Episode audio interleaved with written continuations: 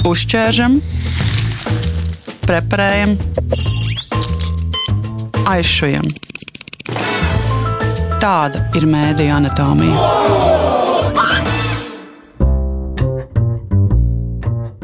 Pirms dažām nedēļām Latvijas politiķi pieņēma lēmumu no 2026. gada pārtraukt veidot sabiedrisko mediju saturu Krievu valodā. Tepat kaimiņos, Igaunijā, pieeja ir gluži pretēja. Igaunijā ir gan sabiedriskais TV, gan radio krievu valodā, un pēc Krievijas iebrukuma Ukrainā šim saturam finansējums palielināts par diviem miljoniem katru gadu. Mēdīju anatomijas studijā Zane Ozoliņa un šajā raidījumā saruna ar Igaunijas sabiedriskā mēdīju vadītāju Eriku Rose. Was... Televīzijas kanāls Krievu valodā Igaunijā tika radīts pēc Krīmas aneksijas 2015. gadā. Vai jūs varat atcerēties tā pirmsākumus? Kādas diskusijas bija pirms tam?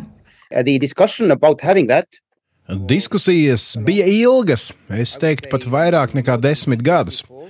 Visu laiku iepriekšējās valdības un ministri žēlojās, un tas bija tāds vispār pieņemts viedoklis, ka mēs nevaram atļauties konkurēt ar šiem lielajiem Kremļa, pat ne Kremļa, bet milzīgajiem Maskavas kanāliem.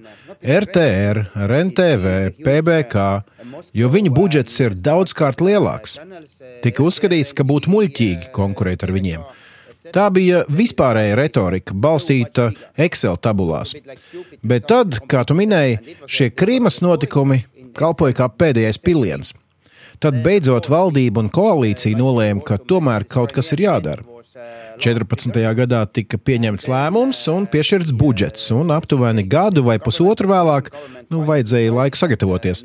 ETV, Krievu valodas kanāls, tika palaists ēterā. Ir divas detaļas. Tas nebija radīts gluži no nulles. Pirms tam bija diezgan labi skatītas ziņas Krievu valodā katru vakaru. Tam gadu laikā pievienojām arī debašu raidījumus, iepirktos raidījumus un filmas. Otra lieta Protams, sākumā skatītāju skaits bija ārkārtīgi mazs. Pirmos divus vai pat trīs gadus notika nepārtrauktas diskusijas dažu politiķu vidū. Galvenokārt tie bija konservatīvie, kā arī ekonomiski orientētie liberāļi. Viņi teica, mēs tērējam vairākus miljonus, bet mums ar vienu nav klausītāju, skatītāju, lasītāju. Nu, tā nu sakot, mēs tērējam naudu, bet neko neiegūstam. Šāda retorika bija nepārtraukta pirmos divus, trīs gadus. Bet visi profesionāļi uzstāja, ka jābūt pacietībai, vajadzīgs laiks, ka ir jāturpina. Well, uh, tell, to... Kādā veidā jūs palielinājāt auditoriju? Of,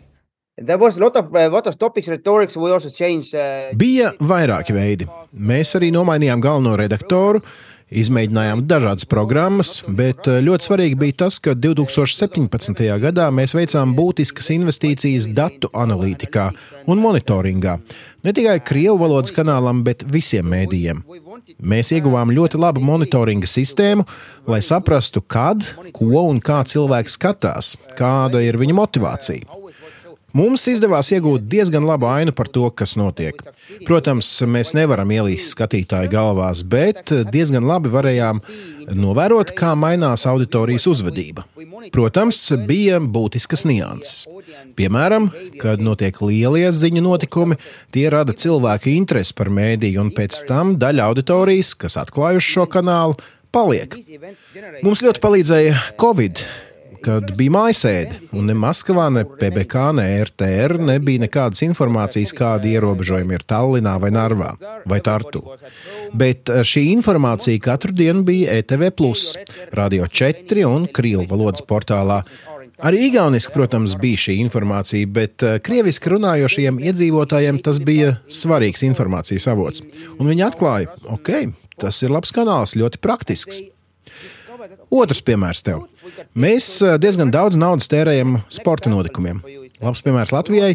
Piemēram, hokejs Igaunijā neeksistē. Ne, nu, tehniski ir, bet neviens par to nezina. Panākumi tam ir nulle vai pat negatīvi. Mēs vienalga nopirkām pasaules hokeja čempionāta pārēžu tiesības, pat diezgan lēti, un krieviski runājošā auditorija skatījās spēles - Krievija pret Latviju, Krievija pret Kanādu un tam līdzīgi. Un mēs ieguvām milzīgus auditorijas ciparus tieši ar šiem sporta notikumiem. Un atkal, daļa no viņiem palika, saprotot, ok, šis nemaz nav tik slikts TV kanāls. Un tā soli pa solim lēnām mēs esam sasnieguši labus auditorijas rādītājus, un pēdējos gados neviens vairs no politiķiem nav apšaubījis to, nu, kā piemēram Latvijā, vai ir vērts tērēt šos 3 miljonus. Jo 3 miljoni ir tikai 10% no mūsu budžeta. Ja mūsu krievi īpatsvars ir 25, 27%, bet mēs no budžeta tam veltam tikai 10%, mēs esam diezgan efektīvi. Es teiktu, ka šī nauda tiek labi izmantota. Really uh... Šie ir labi piemēri, bet vai jūs varētu arī padalīties ar kādām idejām, kas nenostrādāja? Es pat teiktu, ka šie piemēri nav tik svarīgi kā mūsu attieksme, kā mēs to uztveram. Plus, ir viena ļoti svarīga detaļa. Lielākais izaicinājums bija paskaidrot mūsu politiķiem, arī Igaunijas auditorijai, ka mēs neveidojam kontrapropagandu. Mēs neesam anti-PBK, mēs neesam anti-RTR. Mēs esam neatkarīgs kanāls, un galvenais redaktors zina, ko dara. Un tas bija diezgan grūti, jo politiķi pieprasīja, piemēram, mums vajag īpašu talkšovu pretstatu Solovjovam vai Skabājevai, un mums vajag cīnīties par tiem. Mēs teicām, nē, ja galvenajam redaktoram šis formāts liksies interesants un vajadzīgs, tad tādu veidosim, bet mēs neradīsim kontrapropagandu. Mēs esam neatkarīgs žurnālistikas standartos balstīts kanāls, tāpat kā ETV1 vai ETV2, un neviens no malas mums neteiks, kas jādara. Un to bija grūti izskaidrot, īpaši tad, kad mums nebija skatītāju. Mēs tiešām gājām pret visām likmēm, pret visiem vējiem, un pirmos 3-4 gadus tas bija ļoti sarežģīti. Vai jūs varat pastāstīt, kas mainījās pēc pilna mēroga iebrukuma Ukrainā? Kā tas mainīja Krievu valodā raidošo Igaunijas kanālu darbu? Kā tas mainīja to, kā politiķi un sabiedrība uztver ETV, un kā mainījusies Igaunijas krievalodīgo mēdīju vide? Pirms tam tika pieņemts lēmums īsi pirms kara. Spriedzi jau bija augsta. Skan nedaudz muļķīgi, bet es jau janvārī biju absolūti pārliecināts, ka notiks uzbrukums, jo retorika bija tāda pati kā nacistu Vācijā vai Franko Spānijā. Tieši tāda pati. Nebija detaļu, kad un kā, bet uh, man bija skaidrs, ka uzbruks. Un jau janvārī tika pieņemts lēmums, ka mēs slēdzam Krievijas kanālus kabeļtelevīzijā un satelīta televīzijā. So Tātad tas notika vēl pirms sākās karš. January, uh... Lēmums tika pieņemts janvārī, un karam sākoties lielākā daļa kanālu vairs nebija ēterā. Un jau janvārī valdība, kultūras ministrs un uh, vietējie Stratkom operāciju vadītāji sāk domāt, ok, mēs slēdzam kanālus un samazinām informācijas apjomu Krievu auditorijai. Mums vajadzētu dot kaut ko vietā. Nevis mazāk kā Latvijā, bet vairāk. Un tad notika kaut kas ļoti dīvains, ļoti jocīgs. 23. februāra pēcpusdienā man zvanīja kultūras ministrs. Viņš saka, Erika, nākamnedēļ mēs iesim uz valdību ar projektu. Pasaki, cik papildus naudas tev vajag, ko tu ar to darīsi, kādus šovus, debatas, kādas iepirkums tev vajadzētu, kāpēc tev vajadzētu šo ekstra naudu. I'm sorry, so basically they said, we will give you more money. Yes. Piedod, viņi būtībā teica, mēs dosim vairāk naudas, tikai izstāsti, ko tu ar to darīsi. Tieši tā. Un nākamajā dienā bija valsts brīvdiena. Visi, izņemot valdību, jau bija aizgājuši mājās, bija jau trīs pēcpusdienā. Pēc tam bija piekdiena, starp brīvdienu un sestdienu. Tāpēc teicu tā, mēs ar kolēģiem to sagatavosim tagad, pusstundas laikā. Protams, mums bija kaut kāda informācija apkopot, mēs apkopojām idejas, salikām budžetu Excelī un nosūtījām. Tas bija desmit stundas pirms Putina iebrukuma. Tajā brīdī mēs vēl to nezinājām. Bet nākamajā dienā, ne piekdienā, jo nākamā dienā valdīja totāls haoss. Tas bija piekdienā, 25. februārī, kad valdība lēma dodam visu, ko viņi prasa, tieši šī iebrukuma dēļ. Viņi iedeva tieši divus papildus miljonus šim mērķim. Ja es būtu to zinājis, es būtu prasījis trīsreiz vairāk, protams. Bet šos papildus divus miljonus mēs saņēmām arī pagājušajā gadā. Šajā gadā un tikko tika pieņemts lēmums, ka šī nauda mūsu budžetā tiks nodrošināta nākamos četrus gadus. Kāds bija jūsu priekšlikums? Ko jūs varējāt izdarīt ar šiem ekstra diviem miljoniem? I mean, Tur nebija nekādas šmaukšanās. Tās bija konkrētas lietas. Piemēram, Mums bija ļoti veiksmīgs ikvakar raidījums, pa pusē izklaidējošs, pa pusē ziņu raidījums. Tāds eh, dienas notikumu kaleidoskops Igaunijas TV pirmajā kanālā jau ilgus gadus, katru vakaru no 7 līdz 8. Mēs gribējām tādu pašu veidot arī ETV Plus kanālā, Krievu valodā. Otrs, arī interesants un labs raidījums bija ārzemju politikas apskats katru pirmdienu. Ļoti skatīts, diezgan dārgs. Mēs pērkam materiālus no Reuters, BBC, CNN. Nu, tāds ārzemju ziņu raidījums. Bez tam aptuveni pusmiljonu vai 400 tūkstošus tērējam, lai iepirktu filmas, šovus no Ukrainas, no pozitīvi krieviskām valstīm, bet ne no Kremļa. Jo pēc kara sākuma tas bija liels izaicinājums. Mums bija jāatsakās no diezgan liela satura krievu valodā, jo pirms kara tas bija tā, nu, uz robežas. Mm.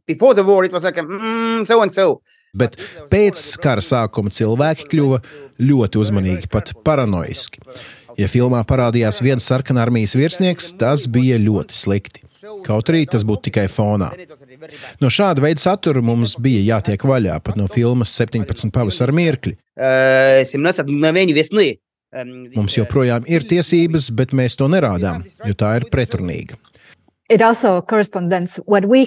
Tas sasaucas ar Latvijas situāciju. Piemēram, Latvijas radioteātris vairs neraida un neiestudē krievu autoru lugas. Tas notiek katru mēnesi Igaunijā. Ir vēl viena lieta, kas notika pēc kara sākuma pagājušajā gadā. Radio 4 un ETV Plus bija ļoti pro-ukrainiski, aktīvi pret Putina iebrukumu. Un redaktori brīdināja, ka mēs zaudēsim kaut kādus 10 līdz 15% auditorijas. Un tā arī notika. Šos ļoti, ļoti prokremliskos pilsoņus mēs zaudējām, jo viņi vienkārši negrib klausīties, ka Ukrainai ir taisnība, nevis Putinam. Tagad lēnām daļa no viņiem atgriežas, paradigma mainās, bet tomēr mums bija mazs atkritiens. Kā ar tiem skatītājiem, kas kādreiz skatījās Kremļa kanālus, vai jūs ieguvāt tos, kad tika slēgts RTR un citi Krievijas kanāli? Jā, jā, we, we, uh, we, we gained, we, we gained more and more. jā, jā, mēs ieguvām. Pagājušajā gada laikā mūsu auditorija palielinājās par 30-40%. ETV Plus ir lielākais krievu valodas TV kanāls Igaunijā. Ja runājam ļoti vienkārši, mēs varam iedalīt krievalodīgo auditoriju trijās kategorijās. Trešdaļa ir ļoti naturalizēta, lielākā daļa pro-eiropiska. Tad ir vēl viena daļa, kas ir ļoti prokrieviska.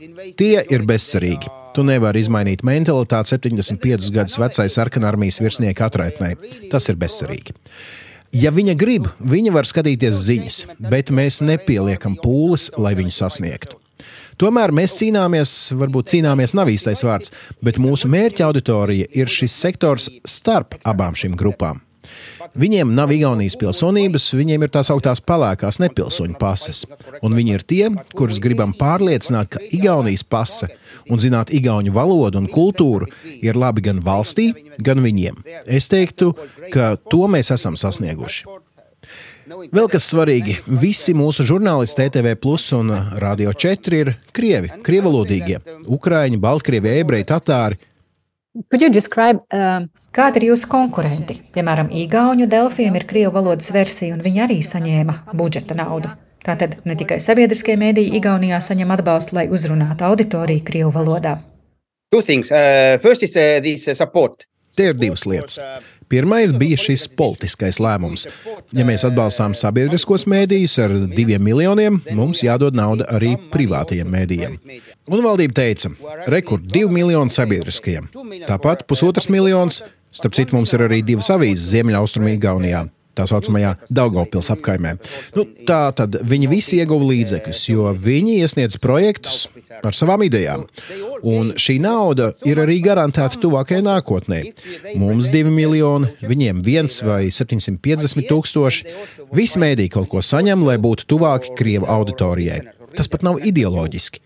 Kanāla daudzums, ko mūsu krievu skatītāji, un klausītāji un lasītāji var patērēt, ir milzīgs. Varbūt pēc 30 vai 50 gadiem visi runās igauniski, latviski, lietuviski, un tad mums to vairs nevajadzēs. Tas ir tieši tik vienkārši. Bet tagad mums tie ir vajadzīgi. Ir daudz lētāk tērēt pāris miljonus, lai informētu krievus, nekā iet karā par 50 vai 500 miljoniem. Tas ir tieši tik vienkārši, un šo nevajag vērtēt ideoloģiski. Tas ir skaidrs jau piektās klases matemātikas līmenī. Sarunā ar Eriku Rose, Igaunijas sabiedriskā mēdīņu vadītāju, mediju anatomijā runājām par Igaunijas TV un radiosaturu Krievu valodā. Redījumu veidoja Zane Ozoliņa un Rēnis Budze. Uzķēršam, preparējam, aizšujam. Tāda ir mēdīņu anatomija.